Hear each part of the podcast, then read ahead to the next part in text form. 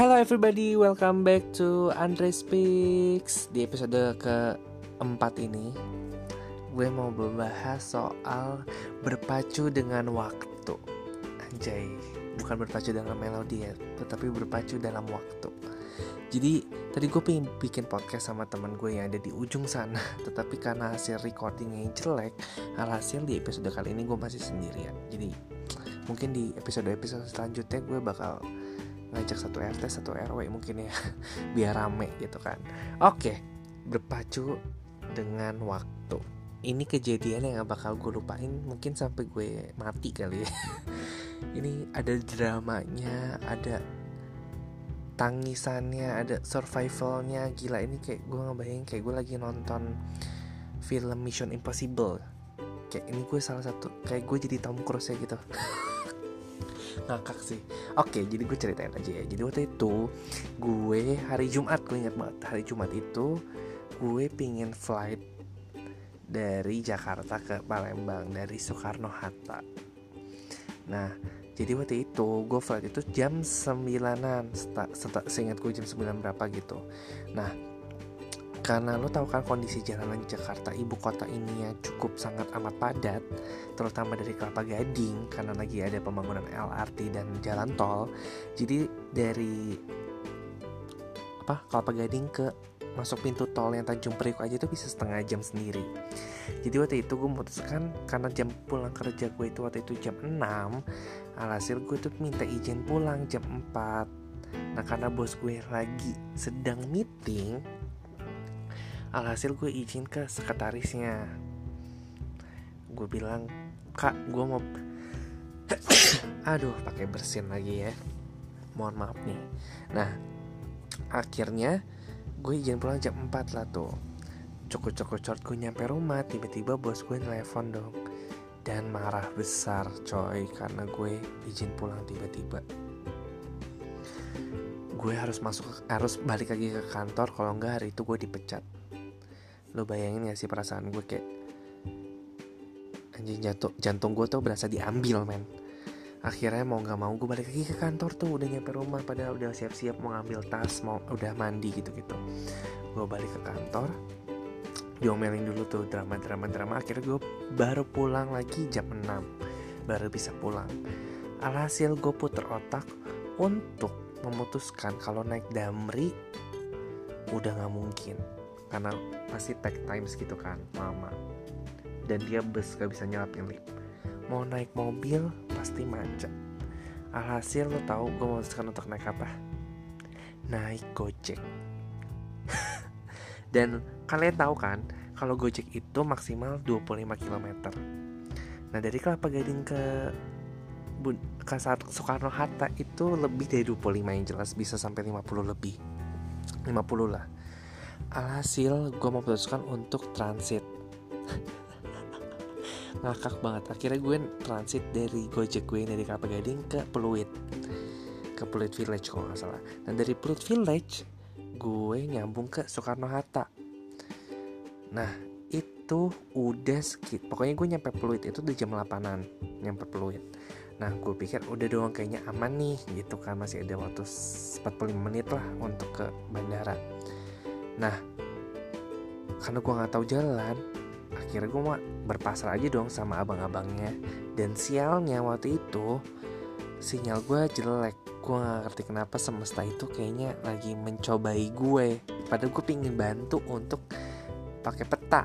Cuma karena sinyal gue jelek, gue juga bingung mau lewat mana dan karena biasanya gue naik mobil ke bandara gak pernah lewat jalur bukan tol jadi kayak gue bingung kok lewatin perkampungan kok lewatin ini lewatin itu lewatin ini gitu kan.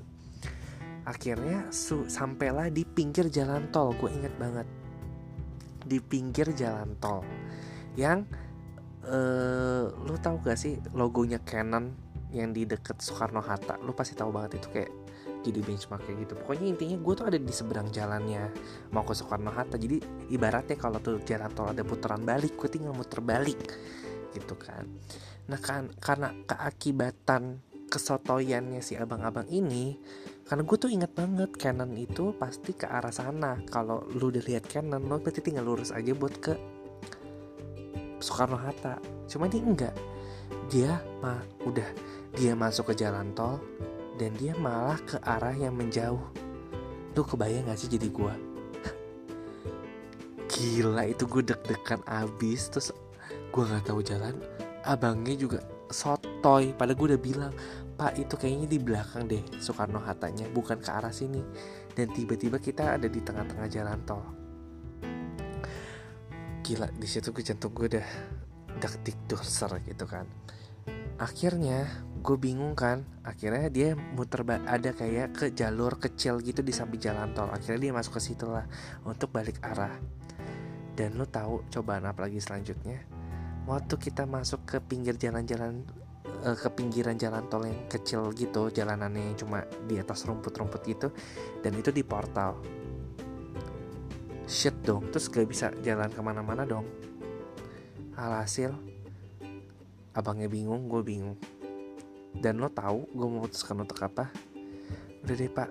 Mohon maaf saya udah buru-buru. Akhirnya gue turun dari motor itu dan gue jalan kaki sambil berlarian. Itu udah jam 9 kurang 5 apa jam 9an gitu. Pokoknya gue flight tuh kayaknya 9.20 deh. Dan untungnya temen gue udah bantu check-inin gila sih. Itu kayak gue udah nggak ngerti lagi jantung gue tuh udah paru-paru gue kayaknya udah akhirnya gue lari-lari dan lo tahu itu kan gue di seberang nih berarti ya dan akhirnya lo tahu gue nyebrang dong dari jalan kedua jalan tol itu. Boom. Kayak what the hell? Semua mobil tintinin gue klaksonin gue karena gue nyebrang sendirian malam-malam. Kayak dalam hati mereka wah ada yang mau bunuh diri nih. Gitu kan. Kalau ada lambe turah tuh gue udah masuk kayaknya. Salah satu orang yang melakukan pencobaan bunuh diri. Gila sih. Akhirnya gue nyebrang. Dan lo tau kan kalau ke bandara itu jauh. Dan waktu itu gue gue satu B atau satu C gitu. Berarti kan di paling ujung ya. Alhasil gue nyebrang. Gue stopin taksi mana aja yang kosong. Untuk masuk ke dalam Soekarno Hatta. Karena kalau gue nyetopin taksi dari yang arah seberangnya nah gue bingung tuh muter baliknya sebelah mana kan. Karena di jalan tol ada muteran balik Andre gitu kan. Akhirnya gue berhentiin taksi yang ada di seberang dan akhirnya gue naik lah. Singkat cerita gue pas banget masuk ke pesawat saat semua orang sudah di dalam pesawat. Kayak Andre lo kelas VIP gitu nungguin lo doang lo anjing gitu dalam hati mereka. Gila sih itu kayak pengalaman yang luar biasa gila kalau gue itu bisa masuk ke Guinness Book of Record atau apa gitu kayak masukin gue sebagai survival sebagai survival apa namanya? Aduh gue sampai nggak bisa berkata-kata gue sampai lemes nih kalau gue ngebayangin kejadian itu. Kayak gue nggak bakal bisa ngelupain kejadian itu sama sekali gila sih. Jadi kalau misalnya kalian punya cerita yang lebih greget dan lebih mission impossible dibandingkan gue coba ceritain ke gue. Gue pingin tahu ceritanya seperti apa. Oke okay. terus cerita kedua soal berpacu dengan waktu ya. Berpacu dengan waktu apalagi ya. Gue masih ingat banget ini waktu UN UN SMA ini sedih sih ceritanya. Sedih dan hmm, kesel kayaknya. Jadi waktu itu uh, matematika. Gue nggak tahu kenapa saat SMP dan SD itu gue pinter banget matematika. Tapi saat SMA lu jangan kasih gue matematika deh. Gue bisa mati anjing. Kayak gue bisa die gitu saat dikasih soal matematika. Sama sekali kayak gue.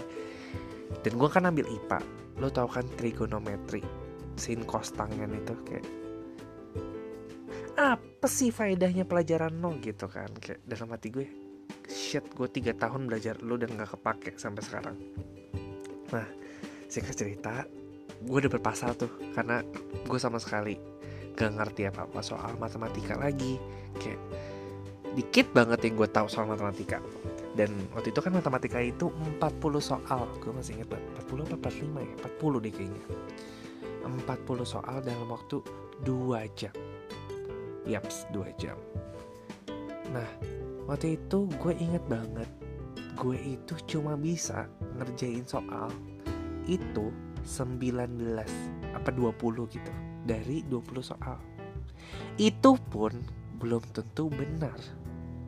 Itu pun belum tentu kebaca sama komputer. You know what? Kayak itu gue ingat banget UN gue itu pertama kali yang 20 paket. Jadi ya lo tau kan sistem Indonesia kayak masih trial and error gitu. Terus kertas jawabannya ya Allah tipis banget. Astagfirullahaladzim Gue gak ngerti lagi. Itu gue kertas kertas ramah lingkungan kayaknya. Lu bayangin jadi kayak lu hapus aja tuh kertas. Bisa keserot dong kesobek kertasnya. Lu hapus jawaban lu. Makanya kayak harus hati-hati dan jangan sampai salah buletin kalau lu hapus itu bisa sobek kayak tuh kertas. Akhirnya waktu terus berputar gue inget banget waktu itu tinggal kayak tinggal 30 menit lagi dan 20 soal gue itu belum kejawab men. Di situ yang gue lakukan tinggal apa? Melakukan doa bapak kami gue nyanyi lagu gereja. Gue udah gak ngerti lagi kayak gue tuh Tuhan berikan aku hidayah gitu kan. Ya udah. Ya lu tahu kan ya kalau udah kayak gitu apa yang harus dilakukan? Ya ngasal. Dan berserah kepada Allah SWT jawaban ngasal lo itu didengarkan. Dan benar firasat lo itu. Kayak gue berarti jadi cenayang saat itu kayak nomor 12 B kayaknya C deh kayaknya. Anjay ngalah-ngalahin limbat gue. Ngalah-ngalahin Deddy Kobusher bisa langsung pasti nih jawabannya. In the name of Jesus anjay. Nah itu sih kayak gue udah nggak ngerti lagi. Udah berusaha untuk menjawab tetapi waktunya juga sudah kepepet gitu kan ya. Jadi kayak sudah emang itu saatnya gue berpasrah. Ibaratnya gitulah ya. Gila sih itu alhamdulillah tapi akhirnya aku lulus. Aku bisa menyelesaikan studi aku di bangku SMA ya itu sih. Kayaknya untuk urusan berpacu dengan waktu sudah sih kayaknya sudah cukup ya. Karena satu kejadian itu sudah mendeskripsikan semua gitu. Sudah merepresentasikan dari lubuk hati gue yang paling dalam. Oh sakit. Gue ngetuk diri gue sendiri. Oke deh kayaknya sudah cukup panjang juga podcast gue kali ini. Semoga kalian terhibur kalian belajar dari kesalahan gue. Jangan sampai kalian terburu-buru karena itu akan mengakibatkan kecelakaan bagi diri anda sendiri orang lain dan pasti kalian akan menyesali itu semua jika waktunya sudah terlambat gitu loh. Alhamdulillah sampai sekarang detik ini. Ah!